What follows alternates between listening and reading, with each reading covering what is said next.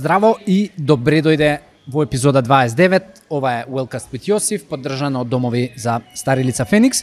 Денеска, нели, традиционално знаеш дека темите ни се здравје, исхрана, вежбање, wellness, ментално здравје и така натаму. Денеска имаме исто во тој контекст тема а, со малку специфична а, специфичен правец ќе зборуваме за храна, но поточно ќе зборуваме за како би ја нарекол агроекономија, не, агрохемија, извинете. А, ке зборуваме за овошја, зеленчуци, пестициди, митови, стравови, се што луѓето денеска можеби научиле и треба да го одучат и можеби што не го знаат, а треба да го знаат. Така да ќе уживате во некаде еден час содржина. Google Podcast, YouTube, Apple Podcast, Spotify, сите социјални мрежи, значи се каналите на кои што ова може да го следите и секако да бидете интерактивни, да давате а, ваши коментари и да ја збогатувате содржината.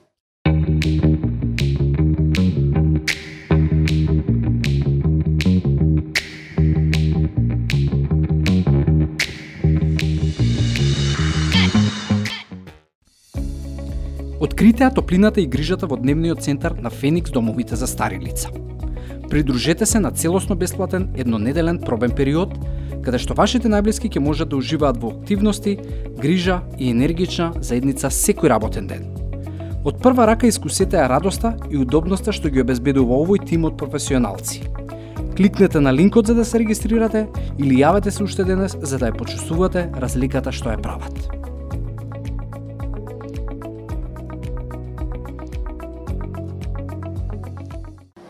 Александар, фала ти што ја прифати поканата. Благодарам. Прво фала ти што иницираше е, и ми кажа ш, практично што работиш, а сега дознав и дека толку многу долго го работиш. А, и, и, и уште одма кога ми кажа, знаев дека и ова прво јас сакам да го знам, а второ са, е супер да го да го слушаат и да го дознаат и еве слушателите, гледачите, односно ова Велка заедница.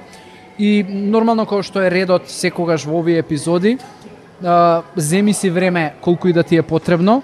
Прво раскажи си ја твојата инспиративна приказна затоа што си денеска 108 килограми помалку од тоа што а, си бил пред не знам колку години. А, и еве, кажи кој е Александар, што работи, што е неговата експертиза, професионалност и дали луѓето може да те најдат за помош и, и, и каде да те најдат и дали нудиш некакви услуги. Благодарам Принче за поканата и за одзивот на и интересот кон а, темава.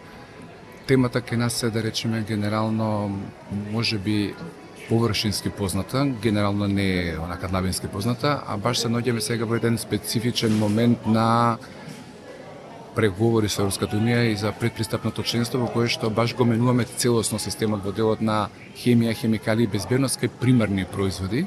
Што Значи, се примарни производи? примарни производи се а, од растително потекло, сите што гледаме зеленчук, овошје, житни култури и така натаму, од анимално млеко, месо, јајца, мед, значи баш и нешто кај што нема никаква преработка, но се директно добиени од природата, се добиени од животните како Океј.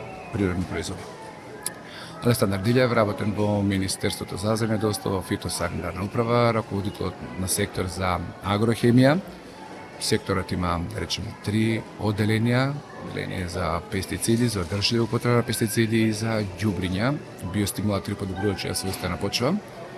Тоа се практично сите хемикали, односно сите суровини со исклучок на семето кои што се користи во примарното земјоделско производство. Ако заеме дека 80% храната не е примарна растителна храна која што ја внесуваме, значи не дека 80% од безбедноста на храната која што ја која што ја внесуваме. По вакација агроном пред финална фаза на магистрирање на земјоделскиот факултет во Скопје, факултет за земјоделска наука и храна во Скопје на катедрата за безбедност на храна а, со една исто така специфична тема, да речеме, а, екстракти од растенија кои што се користат како пестициди во во производство, да речеме ајде народски кажано бабарата за за растенијата. Да, во покрај оваа работа, примерна работа која што имам, работа работам и во дополнително работам во Центарот за метаморфозис кај доктор Дејан Димитровски, каде што учествувам во делот на да речеме под центарот за дебели, односно центарот за ослабување на луѓе кои што имаат проблем со дебелина. тука покрај професионалното искуство и, и бекграундот кој што имам професионален, значи ги ми личниот, до пред 4 години имав 198 кила, значи од тој пред тој момент критичен момент септември 19 година до денеска Вау. намалено приближно 107-108 кила. Дори луѓето и ден денеска баш онака не ме препознаваат и кој што на пократко време ме нема видено, да не правим за тие кои што ме нема видено за период од 3-4 години. Во овој дел, да речеме, може би имаше преходно повеќе кратни обиди за намалување на таа тежина. Со лечеви на диети, во кои што намалив и природно 70 кила, а потоа се здебелив 90 кила на тие 7 секундарите 12 месеци, за повторно го направиме процесот реверзибилен, така да буквално на собствена кожа знаеме што се случува и што треба сите да направат и да им дадеме помош на некој што тоа го бара, така да кој има потреба слободно нека повели во метаморфозис центарот кај доктор Дејан Димитровски може да дадеме помош на некој што Да, тоа им е се, потребно. секоја чест, Александар. Мислам, тоа е фасцинантна е бројката. Можем да замислам колку прво ти било тешко да живееш со, со таа килажа, второ, процесот не е апсолутно лесен а, и не е лесно да останеш на таа килаж. На, на, на новата. Па да речеме, тоа е тоа прво големо грандо на намалување кое што се направи првите 5-6 месеци, во последните, ајде да речеме 24 месеци се намалени дополнителни 14 килограми, од кој што па за мене изна, мој изненадување последните 4 недели 5 намалив дополнително 9 килограми, од кој што јас не знам како усади се, се постигна. Инаку покрај сите овие работи, член на преговарачка тим на владата на Република Северна Македонија mm -hmm. за учество во преговорите како дел од преговарачка тим, баш во овој дел пестициди, ѓубриња, значи сите овие агрохимикали во поглавје 12 безбедност на храна, ветеринарство и фитосанитарна политика, практично лице одговорно за усогласување на нашиот законодавен систем и тој имплементирачки систем кој што треба да го воспостави за да бидеме паралелно да речеме земја членка на Европска унија која што би била еднаква и рамноправна со сите останати 27 земји членки на ЕО. Јасно. А, Александар, сега да одиме во она што, нели, што очекуваат гледачите и слушателите. Пестициди и химикали е нешто што многу се употребува. Сам и, и генерално не знам дали е подобро да се употребува или да не се употребува, али ќе допреме таа тема затоа што ја не секогаш сум толку фанатик, а ова е лошо и крај веќе нема од ова, знаеш, мора да го исфрлиме. Не, ако не биле хемијата и пестицидите, ќе немаме толку масовно производство за да може луѓе да се прехранат на планетава. Многу сме бројни веќе, но ај ќе почнеме од овие попрактичните теми. Денеска еве се наоѓаме у Веро, у маркет, и а, рече си у секоја а, кеса на каса поминува овош и зеленчук. Има ли практичен начин како ја како обичен човек кој што нема никакви познавања за агрохемија и, и слично да препознаам што значи свежо овошје или зеленчук и, и, и, и има ли има ли еве чекори за одредени типови на овошје кои што важат, кои што не важат за други, за да препознаам нели дали ова овоше е, свежо, дали има премногу хемија или нема многу хемија употребувано за да дојде до до маркетов.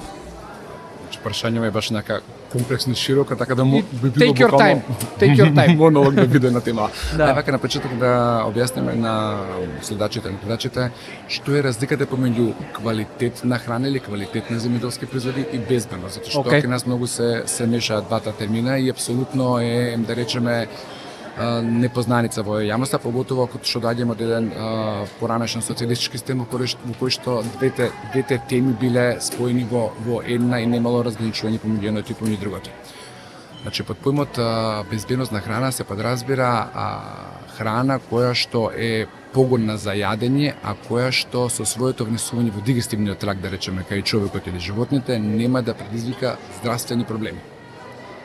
Значи, тоа е најпроста речеме дефиниција за што е безбедна а, храна, што значи дека може да постои храна која што е безбедна, а не квалитетна, mm -hmm. и обратно, може да имаме храна која што е квалитетна, а не е безбедна.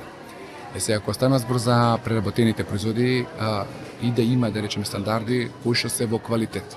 Стандардите кај а, растенијата, иако тоа е, да речеме, едно заедничко големо поле и на во Европската унија, како заеднички пазари на земјоделски производи, кои што правил, практично се регулираат пазарите, меѓутоа и стандардите кои што треба да се воспостават за да може некои производи да се најдат на пазар. Генерално кај растенијата и кај кај и кај зеленчевот под квалитетна храна се подразбира боја согласно сорта која што ја користиме кај определен вид, големина на на стандардна за таа сорта или а, тој вид, а, да нема никакви оштетување по површината, пошто ги делиме, не знам, пред екстра класа, прва класа, втора класа, трета класа, и тоа е практично она што гледаме со голо око. Јасно. Тоа што гледаме со голо око, значи не е квалитет на производ, а она за кој што не знаеме што е составот внатре во него не е а, безбедност на, на храната. Така да вратам чекор назад од прашањето кое што го постави, практично кога го гледаме не може да видиме кој производ е по квалитетен од другиот, а не можеме да бидеме сигурни кој производ е по безбеден од другиот. Океј. Зошто тоа е така? Тоа е така заради тоа што а, за да може да еден производ да се знае каква е неговата безбедност, потребно да го има придружен документ со кој што се се става во промет, кај нас така законски. А, значи, а, мора да има евидентни скили за прскање на производи за заштита на растенија и за употреба на ѓубрења. Така да во мрежата, согласно закон спорам, треба да сите производи да бидат проследени со таков пропратен документ, да речеме како еден вид на декларација во храната. Како што декларација во храната, кај во вошите зеленчукот може да имаме која класа, ми тоа немаме формална декларација, таа формална декларација да биде пропратена со потеклото на самиот на самиот происвод. А, е сега а, најчесто хемикали кои се користат во оваа наша област се ѓубрињата. Mm -hmm. а, тоа е речем ама малку помалку болниот да речеме дел, заради тоа што најчесто ги употребуваме во почва, па во плодот кој што го користиме како јадење, со исклучок на плодовите кои што ни со земја, компир, морков и така натаму, нема некој директен контакт, меѓутоа забораваме дека новите видови на љубриња кои што се широко распространети, кои што се стриктно наменети, поготово кај хидропониката, кај грбоградинарство кои што гледуваат во а, водени раствори, значи не во почва, кај што се му додаваме во, во самата почва, во самата вода апсолутно представува директен извор на на на контам, на можна контаминација. И уште повеќе кај најновите видови на ѓубриња кои што се така наречени фолиарни ѓубриња, оние што се, се хранат растенијата преку лист. Значи ги нанесуваме со прскање а, или во форма на аеросол или директно на самиот лист. Пак кажав, тоа е, иако е, речеме, ризичен, помалку ризичен, колку што делот, ај, помеѓу така наречените народски кажано пестициди, Е сега тука има повторено голема дилема која што мора да ја разграничиме за да може да сватат гледачите за што станува збор. Практично она што го користиме во земјоделството станува фитофармацевски производи. Тоа се производи кои што се користат во фармација за растенијата. Инаку поимот пестицид е кованица, да речеме, од два збора, од пест и цид, и циде, цидере, цидаре, mm -hmm. значи уби, убивање на штетник, односно убивање на жив организам кој што живее, паразитира и обстоја во друг жив организам. Според тоа, во групата на пестициди ни припаѓаат антибиотиците, антибиотикот живее, бактеријата живее во некој жив организам. Под појмот на пестицидите се подразбира, да речеме, антисептиците, се подразбираат детергентите, се подразбираат, значи, широк сапуните, широк спектар на, на, на на субстанции кои што ние тековно дневно ги користиме, сеевите за мијање во домаќинството, кои што широко дневно ги користиме, меѓутоа во народското поим пестицид не е хемикалија кој што се потребува врз растение, кој што односно врз плод кој што ние го го го јаде. Де факто тоа е фитофармацевски производ. Не навлегувам сад длабоки, тука има исто поделби дека се користат материи кои што речеме како регулаторите на раст кои што не се пестициди, не се користат во таа намена, ми тоа ги потребуваме како растенија се многу битна тема за која што потоа ќе обрнам потоа внимание, поготово кај кај јужните овошја кои што кај кои што се користат речеме етилените за нивно предвремено зреење. Така да тие ни се и кај доматите кај нас, да речеме кој ќе купите на пазар домат кој што наврви црвен, и тоа заради поголем полеснен транспорт, поголема издржливост на на пазарот на тезгата.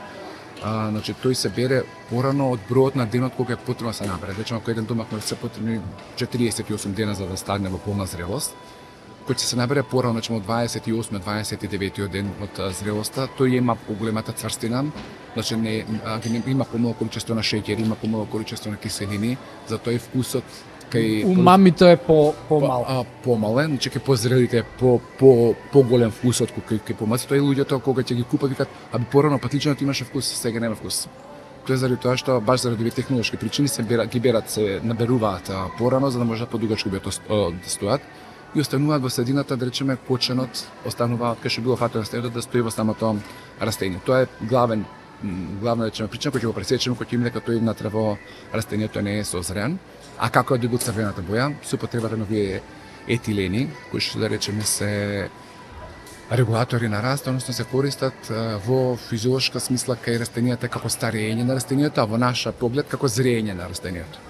Во ред Александар Јеве, на пример, доаѓам во во маркет. Ајде, маркетите се генерално повеќе, како да кажам, Побезбени. порегулирани, знаеш, и, кај нив е поголем ризикот да да да направат нешто, нели, under the radar, што би рекле, н- надвор од радарот.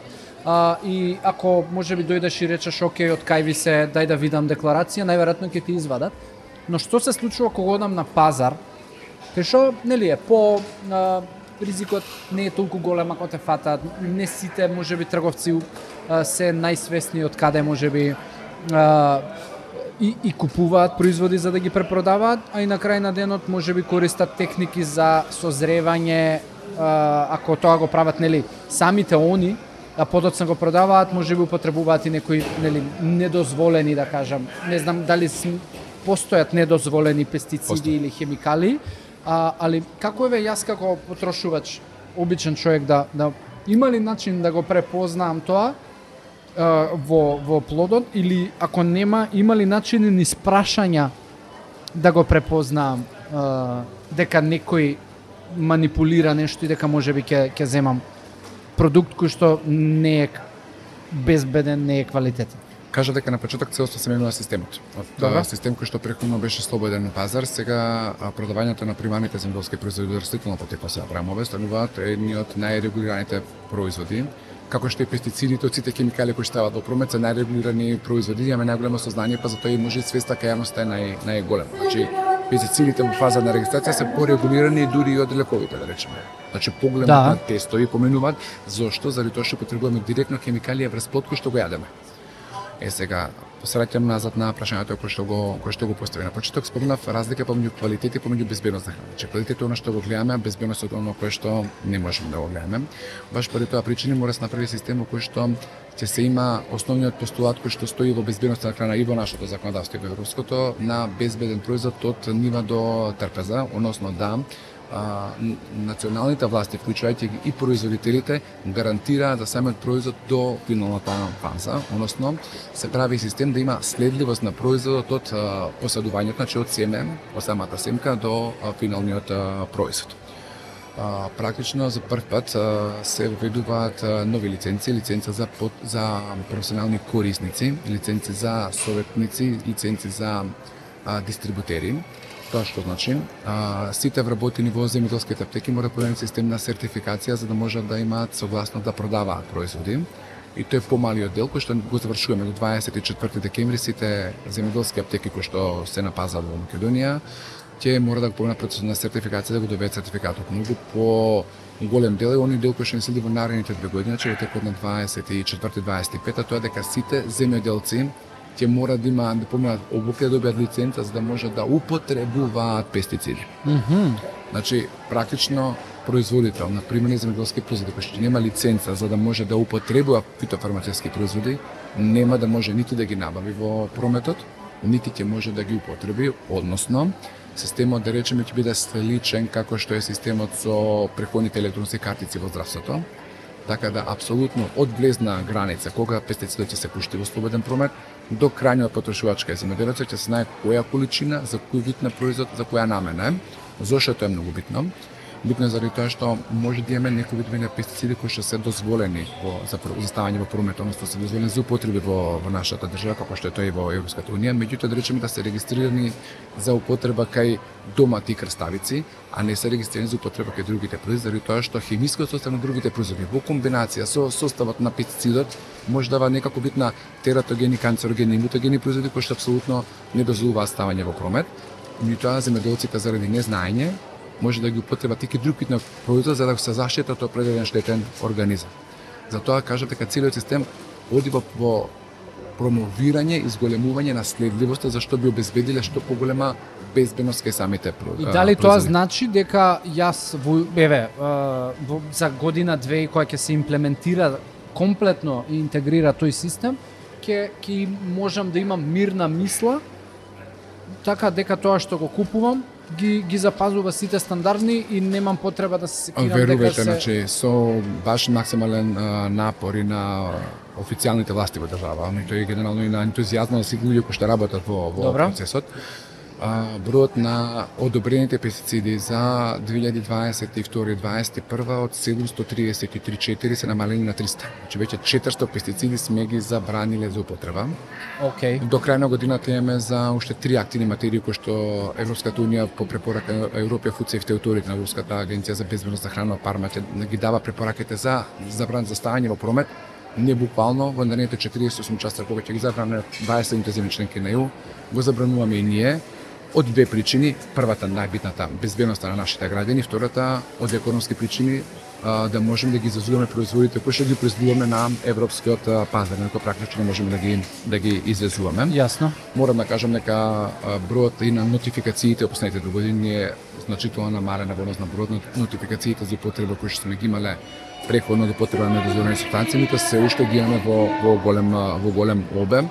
Уште па кажувам, не толку многу од економски причини, но повеќе од безбедносни причини заради тоа што она што ни го дале како нотификација, тоа што ни го откриле. Замислете по каква количина можеме да имаме од производи кои што ни биле ставени во промет, кои што народот кај нас ги има да речеме конзумирано, а не се од знаење. Добро не само кога ви кажам податокот дека најголем број на канцерогени болни ги имаме во на територијата на општина Ресење, територијата на општина Кавадарци. Зошто? Заради тоа што на тие две територии имаме најголема употреба на пестициди, односно производи кои што најмногу се користат се во грозието и во јаболката.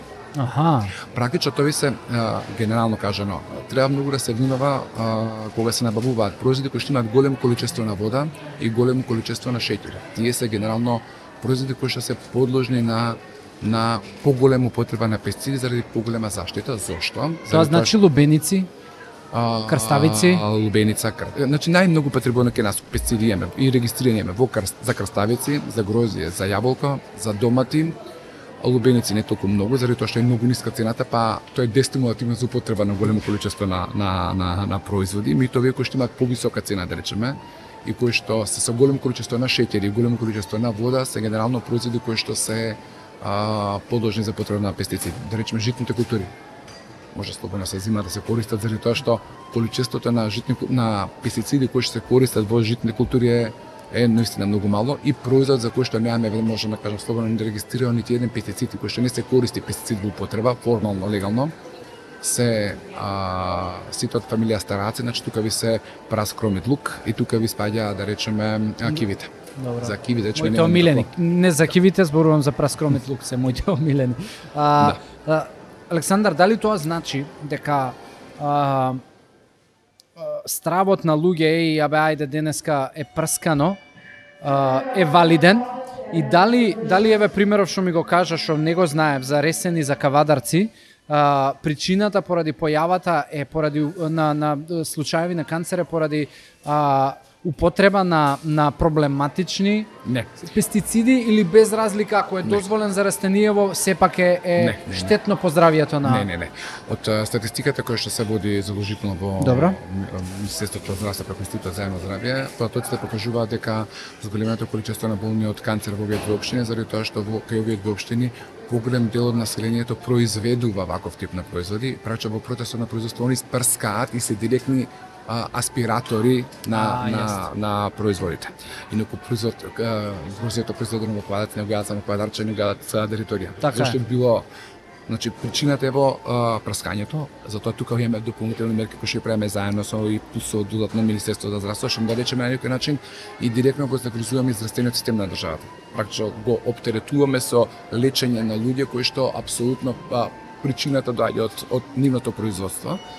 Така да, а, кај сите овие производи, поготово кај гадинарство, кај ова што се во затворен прост, значи во оранжерија ќе биде задолжително носење на маска и заштитни опреми и доколку тоа не се прави, буквално е исто како при заштита при работа, ќе бидат санкциите и казните, глобите се навистина максимално спремени. Јасно, јасно. Е, а, дали, и, и се повторно, кога, кога зборуваме за пестициди, на пример, дали човек треба да биде уплашен доколку земе производ кој што, нели, има употреба на пестициди, а не верувам дека постои тука производ кој што нема било каков пестицид, тоа би било органското производство, а, само кој што можеби не се употребуваат одредени а, Потребуваме и таму. Знам, ама од ќе го допреме органското. Да. Сакам да да кажам а, дали знаеш кога ќе купам јас производ, доколку нема употреба на на забранети пестициди и и и хемија, можам да бидам мирен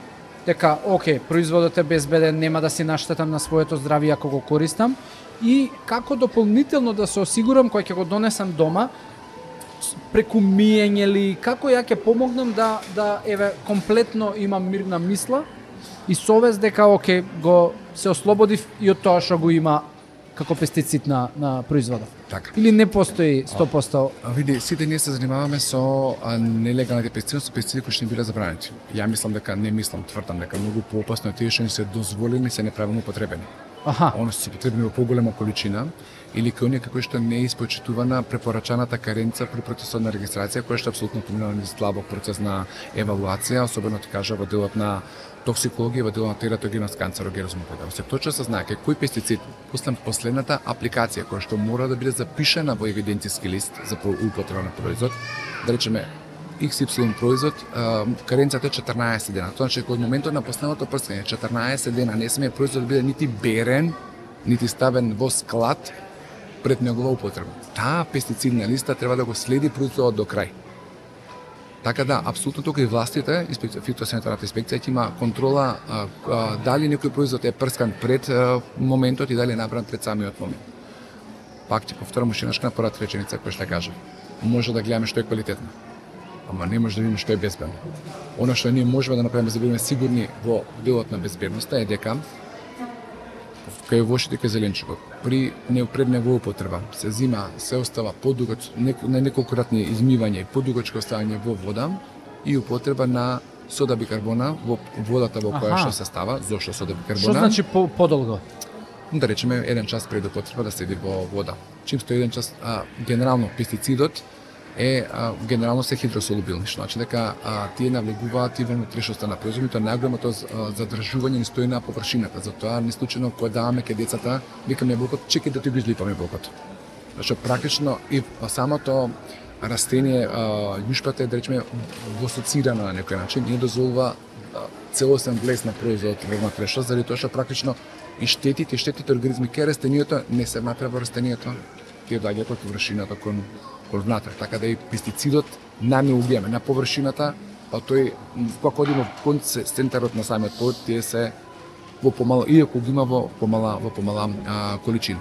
Значи, правилно е да се тоди по дугачко време во вода, да се употреба сода бикарбона, зашто затоа што сода бикарбона да речеме на некој начин представува пуфер, натриум хидроген карбонат, се и како киселина и како база, па без разлика дали пестицидот е кисела или базна седина, ова автоматски се врзува со него и го таложи во форма на друг вид на сол и го намалува во колку може во поголема количина за- застапениот пестицид на самата површина на оложето на форма зеленчук. Да, тоа е тоа е доста добар и практичен и практичен совет. Дали ова треба да го прави човек кој што купува органски производи? И, и што е разликата еве? Зошто а, знаеш, о- дали органските производи а, и и користењето на пестициди, ако се користат, рече дека се користат, практично не прават толкава штета на околината, а повторно се, нели, се може да бидат проблематични ако ти ги консумираш. Не, значи ние имаме и кај нас имаме голема голема широка палета на производи кои што се дозволени за употреба во органско производство. Тоа се генерално производи кои што се екстракти од растенија, значи кажам кажам дека барада за растенијата.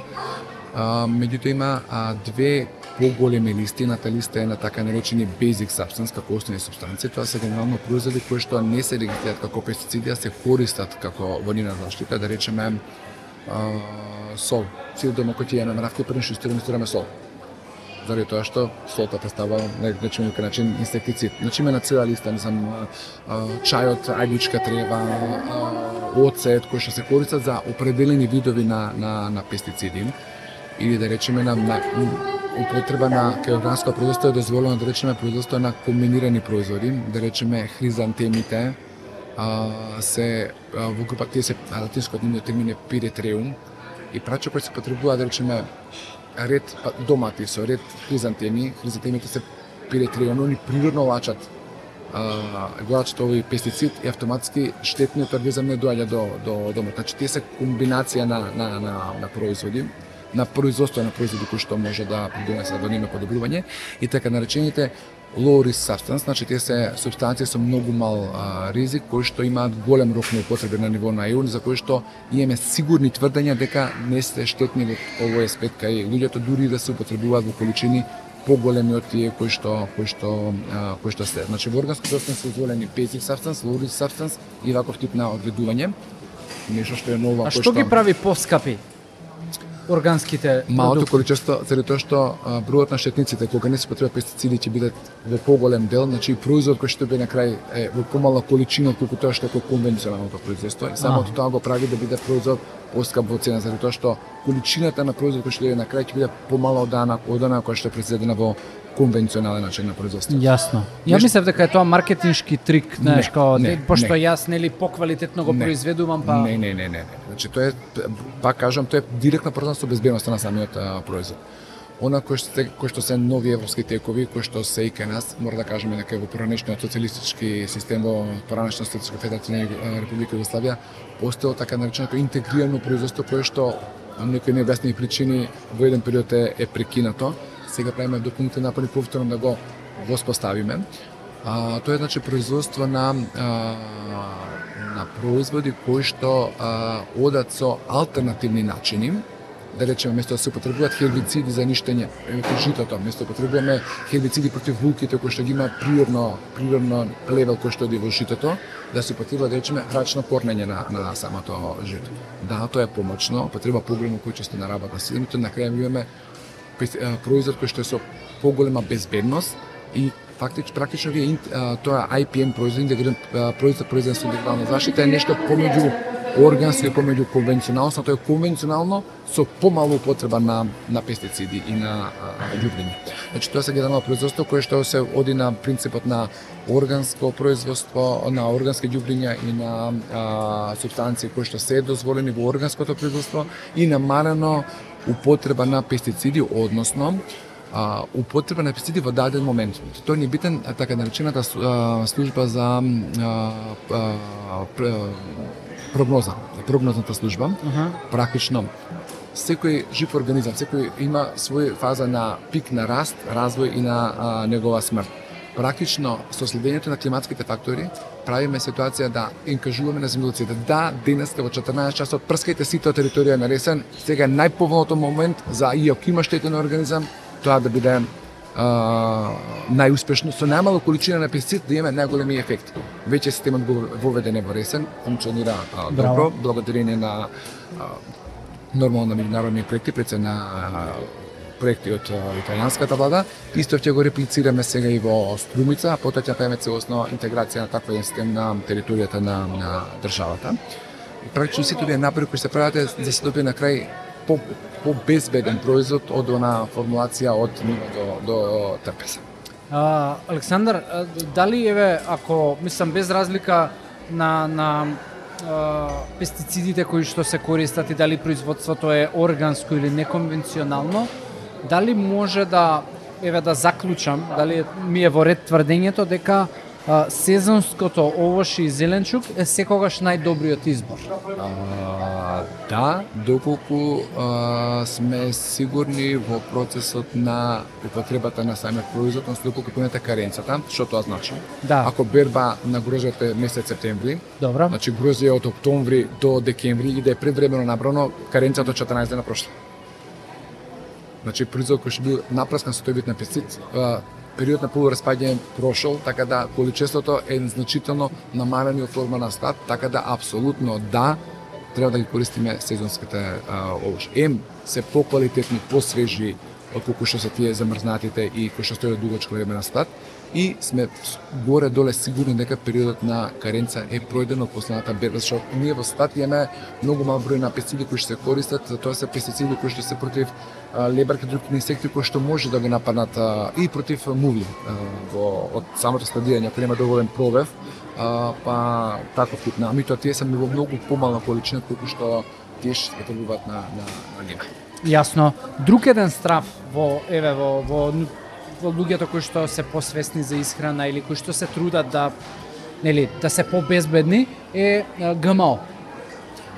Дали и, и во нашата земја имаше, мислам, пред неколку години со соја која што излезе дека е, е ГМО и така натаму и слично.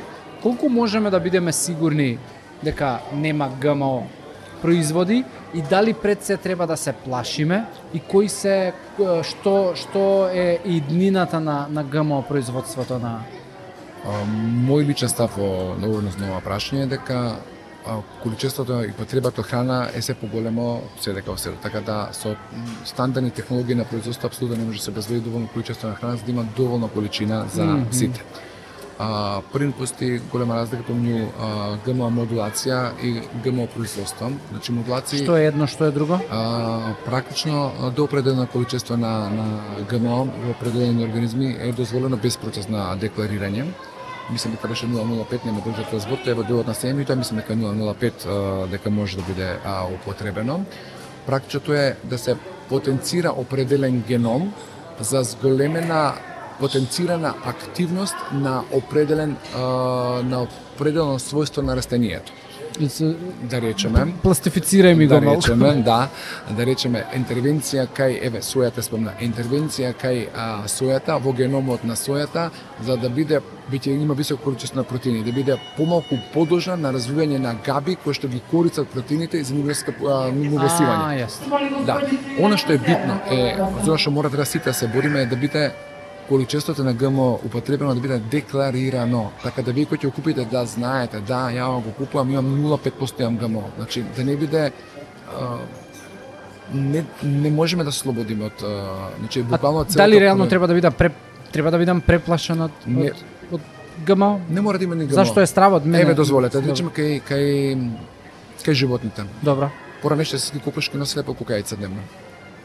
Добро. Но слепо 30 яйца дневно, извинете, годишно. 30 яйца годишно. Сегашните кокошки носат 270 яйца годишно. Вау. Практично со селекција, со природна селекција на самото животно, ние индиректно го стимулираме ендокриниот систем за зголемена овулација на јајце клетките кај, кај кокошката. И од тамо и количеството на естрогени во пилешкото месо ќе биде поголемо. Не е исто да биде има естроген во, во пиле кое што снесло 30 јајца, зашто за да се снесе јајцето треба да има естрогенски пик за да може јајцето да излезе. Доколку денеска ги имаме кокошки со 270 јајца. Значи тама по автоматизам е спикот голем. Дури и кај нас, ако земеме дека пред 20 на години а, на добивањето на цикусот кај девојчињата било меѓу 14 и 15 година, веќе 11 година сегашните а, девојчиња 90% има добивен Зо- Зошто? Основната храна што не е? Јајца, млеко, кој што природно, заради селекција имаат зголемено количество на, на естроген и тоа предизвикува природно зголемено естрогенско внесување дополнително во нашето тело, а тоа прави предвремено созревање на, на животните на луѓето. Јасно. Добро. Да, ова не го не, не го знаев со Значи сите слушаме има хормони у пилешкото и слично. Е, бушата, еве кај нас има буша говеда, од на автохтоно говеда. Буша говеда дава 20 литри на млеко. Крава денеска дава 400 литри млеко.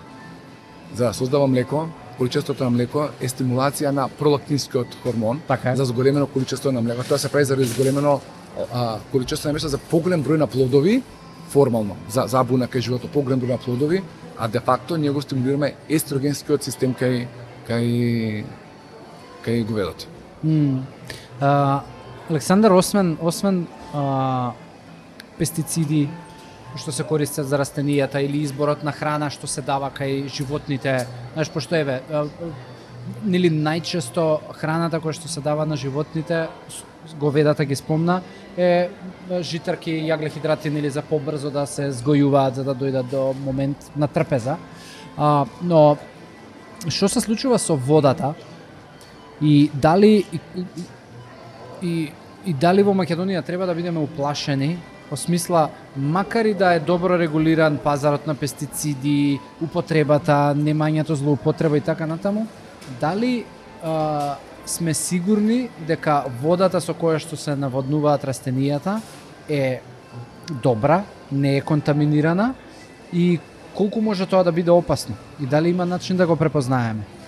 Макам, значи водата во нашет на територија на Република Северна Македонија генерално потекнува од акумулации кои што се создадени вештачки во државата. Добра. Сите тие акумулации се користат и како вода, изворна вода за за пиење. Да речеме, не знам, акумулацијата Калиманци, од неа користа вода за пиење, градот Штип, градот Пробиштип и градот Кочан. А сега таму некоја нова акумулација се прави, Да, така? значи генерално сите акумулации се прават за прибирање поголемо количество на вода за питка вода за пиење која што доаѓа од површинските води, што таа вода ни е да речеме најбитна во процесот на на на на, на производство. А, се прави целосен мониторинг на водата за пиење, значи тоа е задолжителен мониторинг. А, може словно да кажам дека а, мониторингот на водата за пиење кој што спроведува јавно предпријатие водовод на град Скопје е едно од најфреквентните мониторинг точки во Европа, не дека на шесто или на седмо место е по број на мо, а, места од кои што се зема проба за испитување. Значи зборам Браво. број на мостри. А, С оглед на тоа што лабораторијата во водовод е акредитирана лабораторија согласно меѓународниот договор за акредитација за методи за испитување, можеме да бидеме сигурни дека резултатите кои што се добиваат се а, на некој начин веродостојни врз основа на добиените резултати. Ваквата мултипликација од Скопскиот водот треба да направиме во на целата територија и она кое што во моментов не ни се спредува е многу битно е да се направи ваков мониторинг и на подточените води. Во завршна фаза сме за поглед до кои почнеме во наредната година, значи за нитратите кои што потекнуваат од ѓубињата и за пестицидите во поточените води почнеме во наредната година со мониторингот кој што го спредува а, владата а, помал број на места, за потоа се зголеми бројот на местата и бројот на пестицидите. Она кое што е да речеме исто благодет е тоа што а, во многу мал број на земји во ЕУ, а ние ете, имаме пренос да имаме државна фитосанитарна лабораторија за која што се издвојуваат пари од буџетот за нејзино функционирање, че не се тоа приватна лабораторија. Така да државната фитосанитарна лабораторија има акредит, широк обсег на акредитација на 108 пестициди. Значи буквално сите кои што ги регистрираме со една мостра автоматски добиваме потреба да сите 108 пестициди во каква количина ги има во во тој производ. Значи одиме на одржување на а, тој акредитацијски обсек кај лабораторијата и потоа само зголемување на бројот на мостите кои што треба да ги земеме. Првиот првиот чекор ќе да направиме во делот на Пелагонија. Пред се заради тоа што имаме договори меѓународни и заради самите нас, заради тоа што знаете од таа страна на Пелагонија, да речеме таа страна на, на Ресен, се наоѓа градот Воден во Република Грција, каде што во Европа се наоѓа најниското место на поточена вода. На 2 метра под површината на водата се наоѓа затоа се вика Воден. Значи, територија која што е под вода, и а пак е нас од наша страна па да речеме на Пелагонија се потребува големо количество на на ѓубриње за додавање на азот заради тоа што таму произведуваме жито. Кај азотот што се произведува, кај жито која се произведува се додава азот и тоа е можна контаминација на подпочената вода и за наше пиње за користењето страна на Република Грција, затоа таму сме брзани да почнеме од тој дел, и тоа мора да го реплицираме на буквално на целата територија. Второ, по моје видување, второ место треба да биде Кочани, заради тоа што во Кочани производството на оризот е значи со вода која што е површинска, потребата на пестицидите е површинско. Чим е површинско, планирањето и таков е предложката карта на таа на тоа површина, на тоа место. А, водата лесно планира и доаѓа близко до подпочените води и може да направиме дополнителна контаминација. Значи, тие се две клучни точки за кои што мораме да го почнеме системот за мониторинг. Добро, еве, јас сум, јас сум велешанец. А, и во Велес има еден дел а, на, на почетокот на Велес се вика Башино село. И тука има многу одгледување на, на кромите. И многу често земјоделци користат а, помпи, си зимаат вода од Вардар, наводнуваат. А, дали како е тоа регулирано? Дали наш Вардар знае да биде некогаш така контаминирано? Не, не низ целата територија на државата имаме пречистителни станици и така натаму, значи водата може било што и свашта да содржи од метали, од хемии и слично. Дали тоа може да биде ризик за растенијето или зборувавме дека кромидот е посекако безбеден? Може да биде ризик, нормално дека може, поготово што Како се регулира тоа, се Растението е прима храната како? Прима во, во вода. Така е. Така, преку ресурпција преку вода. Така да, кога безбедноста на водата, а квалитетот на водата, се тука збориме, за употребата во земјоделството е исклучително многу битно. Она што на почеток напоменав дека имаме воспоставено мониторинг на површинските води, значи управата за хидрометеоролошки работи како надлежна институција за следењето на водостојот и на квалитетот на површинските води го прави целосно мониторингот, од кој што листата на пестициди и листата на ѓубриња и тешки метали кои што потекнуваат од земјоделство се апсолутно целосно а, контролирани. И од тој аспект а, а, треба да ја бидувам безбедни заради тоа што а, во процесот на класификација на водата, да речеме, на та, во тој та модел, а, кој- квалитетот на водата е трет степен, меѓутоа кога еден од параметрите ќе биде во во повисок степен, буквално целата вода се класифицира во тој степен. Значи, ако да речеме еден параметар ја вовело водата да биде во четврти степен, сите други параметри се во првиот степен, автоматски целата вода се прави дека е во четврт степен, но а, ако имаме висока ко- концентрација на некои видови на материи кои што не се битни за растението, кои што растението не ги ресорбира, Добро. во тој случај не, немаме никаква опасност. Е сега, многу битно ако што не го, не го, не го комуницираме него не го правиме, а е на високо ниво дигнато а, во ЕУ, особено во делот на пактата на органското производство, е зголеменото количество на антибиотици во растенијата. Зошто? Заради тоа што кога животните се болни, кои, кои, се- кога се аплицираат антибиотиците, автоматските се ва- а, преку фетесот и преку урината. Ако тоа ѓубре го користиме ние во органско производство, како безбедно производство, ние автоматски додаваме зголемено количество на антибиотици кои што биле излачени а, од самото а, животно а, во растението. Затоа и многуот мониторинг план, да речеме, на ЕУ, во делот на органско производство, количеството на, на мерни, мерни единици за пестициди и ѓубење е многу мало во однос на мерните единици за антибиотици. Бројот на и дури на, на почеток може би да изгледа избунувачки зошто би испитувале во морков, еве растение кое што Така. се одгледува во почвата, а кое што има големо количество на вода и горе абсорбентна вода зошто би испитувале антибиотици во морков? Баш поради тоа во тие причини што антибиотиците се растворливи во вода и тие се акумулираат во самото. Значи, затоа генерално и постои стравот и во ЕУ и во светот дека луѓето стануваме резистентни на антибиотици, Да. пошто без разлика дали ти ги користиш во таблетарната форма, ти секако си у голем допир со нив поради еве овие овие фактори кои што ја уопште не ни размислив дека Зголеменото- дека нели ѓубривото е изметот. Зголеменото лачење на хормоните кај растенијата, кај животните кои што ги конзумираме, почесно не сме свесни, не ги внесуваме. Зголеменото внесување на антибиотиците и зголемената резистентност никогаш не ја ја припишуваме на зголемената употреба на, пес- на антибиотици во процесот на превентива или куратива кај во здравството, без да размислуваме дека тие може да преку фактички практично, ние а, целодневно еден жив организам со просечен век на живење од 80 години, човек зборам, Добро. а, користи недека приближно 30 тона на храна за текот на живот.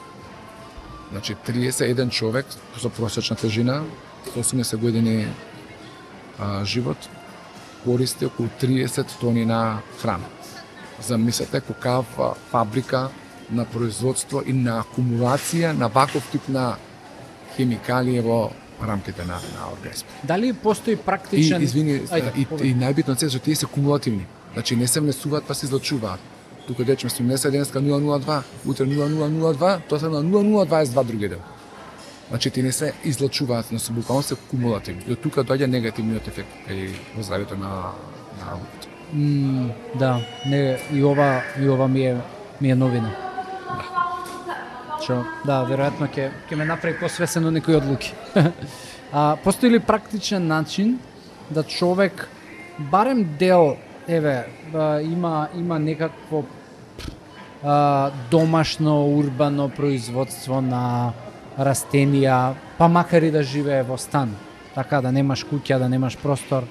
Има ли некаков начин да? Ако ви да кажам податок, дека сите имаме, да живееме во стан, имаме жардинјери на терасите. Да, цвекиња, нешто. Не мора да имаме. Зошто не садиме Макдоналдс? Само да ви кажам дека неделно во Република Северна Македонија се увезува 25 тона на Макдоналдс. Значи, не неколку 100 тона Макдоналдс, не, немаме домашно производство доволно? повеќе очигледно не. А на што имаме ние домашно производство доволно? Мете, значи, прес- баш представува стратешка рамка во која што знаете спогласно устав приватноста е неотуѓива, не може никој да му наметне што да што да произведе. Тука сме ги сменили целата економија од планска економија која што била во поранешен систем, одиме на пазарна економија која што ја имаме сега не можеме и тоа на кое што е битно, бидејќи ние сме секако земја со многу мала површина. За мене не е потребно да произведуваме житни култури во токава количина, кога знаеме дека 6 месеци од, од од годината пазарот го држи Аргентина, а другите 6 месеци го држи Украина.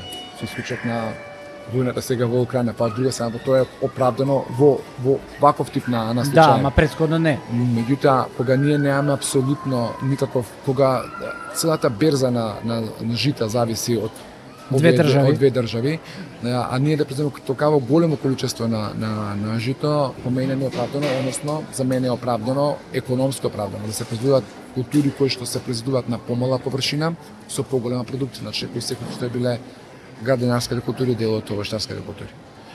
На крајот на кришата по педагошката карта, најплодната почва, да речеме, генерално по проценти, се наоѓа на територијата на Квадраци, Квадраци на Готино. Ако се наоѓа на плодната површина на територија на Квадраци на Готино, зошто најголемото производство на грозје не е таму, кога грозјето се произведува на карпи? Нешто? На карпи.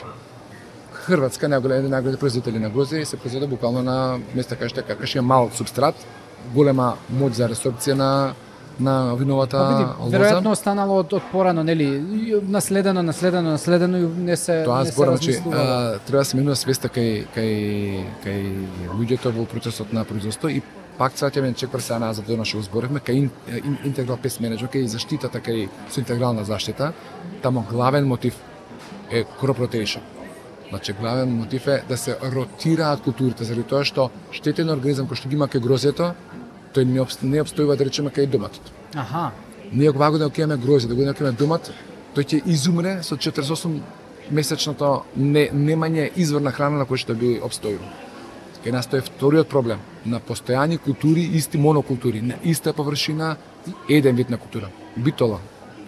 Постојано производство на пченица, постојано ја, ја испоснува почвата со, со азот, тоа предизвика да постојано да додаваме азот во хемиска форма, а од друга страна па станува зголемено неискористено количество на фосфор и на калиум, Дали тоа што фосфор и калиум се да речеме кај минерални материи кои што учествуваат во формирање на плодот и формирање на цветот. Значи сите обоени делови, сите што имаат обоени а, обоени плодови корица просто кажам фосфор и калиум, а тие кои што имаат зелени вид делови, значи спанаќ, не знам, прас, кромит, житни култури, тие користат големо количество на азот.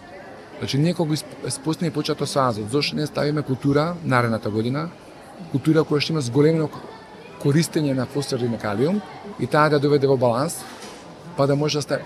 И она, мора да кажем сега тука и промената, одложноста на промена кај земјоделците. Они се научиле 3.15 Шо е 3.15? А, Азор, фосфор, калиум, 15, 15, 15, и они упорно купуваат ставаат 3.15, без да направат педолошка анализа, кој вид на материја е потребна. Може би да и со фосфор и со азот, со калиум да се во ред, да е проблем некој микроелемент, да речеме железо, кој што често во формирањето на толчникот кај и паркот толчникот во форма на цвет да паѓа, да се суши и да паѓа и прави да не настанува оплодување на на растението и да го немаме плодот. И плодноста биде намалена заради намалено количество на железо. Значи тоа што да дадем само железо во форма која што е потребна на растението. Треба да ја минуваме свеста и треба да ги минуваме навиките да се употребува и да се контролира се што додаваме. Значи да не додаваме ништо кое што е неопходно. Исто како во медицината. Порано се сеќавате дека и за вируси ви дава антибиотици. Да. Превентивно. Да, Да. нема секундарна Да се спушти. Да не. Истото и овдека. Зошто би додавале нешто ако нема потреба моментот од од тој вид на материја? Александар, имам уште едно прашање, не, да- мислам, имам уште 100 прашања, ама веќе не, не, не ми се верува дека сме приближно на еден саат од разговорот. А, што ги спомна преска јужните овошја и дали а, користење на растенија, овошја, зеленчуци кои што не се а, карактеристични за ова поднебје а, е проблематично и дали човек треба да ги исфрли од од секојдневие. Види, а, проблематична се од аспект на безбедност. Кажа дека ние не синхронизиран систем со Европското унија во однос на ѓубриње на пестициди. Тоа Добра. значи дека сите овошји зеленци кои што доаѓаат од овие територии за нас треба да бидат безбедни. Да гарантираат Од овие од. ЕУ територии сакаш да кажеш? Од ЕУ, ЕУ територии земји земји кои што имаат подпишано предпристапен договор со со со ЕУ. Добра. А, да речеме, ние нови земји не, не увезуваат е, ананас, банана, банана. Кај да знаеме ние, е, некоја производство на банана е Брексло, Нова Коска и Камерун. Кај да знаеме кој е пестицидната листа во Камерун прин како листа, дали одговара на таа што е во ЕУ. Така, Е па добро, ЕУ не не превзема мерки во смисла да а, Да забрани да бара декларација. бара декларација Добро. и И тоа не е националните- 100% сигурно? Апсолутно не, заради тоа што кажа дека пестицината листа прин е различна, а потоа и таа која што е дозволена не се знае во каква форма е употребена. Аха. И она кај нас што доаѓа како враќање на производи од ЕУ кои со нотификации кои што звате, не ни не ни станува збор за пестициди кои што се недозволени, ние немаме такви ние на неправилна употреба, со зголемена употреба на пестициди, на дозволен, за тоа и кажа преска. Ние сте зборим за недозволените. Да, тие се ги нема. А добро, не, дали дали е, знаеш сега ако ако вагаш, дали е, бенефитите од бананата во смисла на незината хранлива вредност ги а, ги ги победуваат а, еве овие ризици. Знаеш, пошто сега знаеш пре пре јако е а, Видим. пре јак е советот Допре да кажеш доп- не јади банани. До пред 50 на години, заради помалата трговија, сме јаделе генерално само сезонско, овоше сезонски... А, Да. Дали сме имале проблем со долговечноста кај нашите постари генерации? Не. Значи, овој е буквално еден целосен ланец на, Земи на, си на, тиква. на поврзаност. Мете ти калиум. да, да. влакна има од други начини. Добро, и еве, во кои кои се тие еве производи кои што според тебе се се ризични? Ги спомна банана, ананас, друго? Можни, значи јас не Да, кажам, да, да. не приоритетам можни. А, Пошто и таму во тие земји има одговорни и неодговорни производители, не би требало пак ќе кажам сега тоа. Сите производи кои што имаат големо количество на шеќер и големо количество на вода. се може да бидат ризични. Да. Океј. Заради тоа што тие природно Добар се, зашто тие се природно медиум на кој што се развиваат растителните болести и штетници Мгм. и нормално да се борат против тие болести со употреба на пестициди. Така да оние кои што се во посува форма и кои што немаат толкаво, да речеме авокадот. Тоа ќе те прашав следно. Ако е увезено од Составот на авокадото примерно какво количество на шеќер има или немало, таму е се големо количеството на мастите. да, која кој микроорганизам се храни со масти. Ако се хранеа со масти, ќе развивавме микроорганизми, а немаше да бараме такава хемиска индустрија за употреба на сеави кои што треба да прават природни липолитици за одместување на седовите. good point. Генерално пак кажувам, значи а, растенија кои што, односно плодови, овоше и зеленче кои што имаат големо количество на вода и големо количество на шеќери треба да се избегнуваат, не да се исфрлаат, да се избегнуваат до употреба. Супер, Александар, фала ти многу за за разговоров. Мислам и и ја искрено многу научив. А, пред се епизодава баш а, од себичен аспект ми е супер. А, и, и баш а, мислам имаш и, и од, одлична течна мисла и и фонд на зборови и верувам дека и, и гледачите и слушатели веќе уживаат и, и верувам дека ќе ќе направиме уште една епизода затоа што толку е многу ова широко, еве толку имам недодокажани прашања во во контекст на животинската храна, што треба да внимаваме кај кај изборот на месо и така натаму, ама ајде тоа да го оставиме ќе го оставиме за некоја следна следна епизода. Ми беше мило што гледав овој подкаст, што гледав овој разговор. Темите се навистина длабоки, ми тоа ме распаѓа сега. Фала ти, фала ти Александар. Се гледаме у следна епизода. Чао.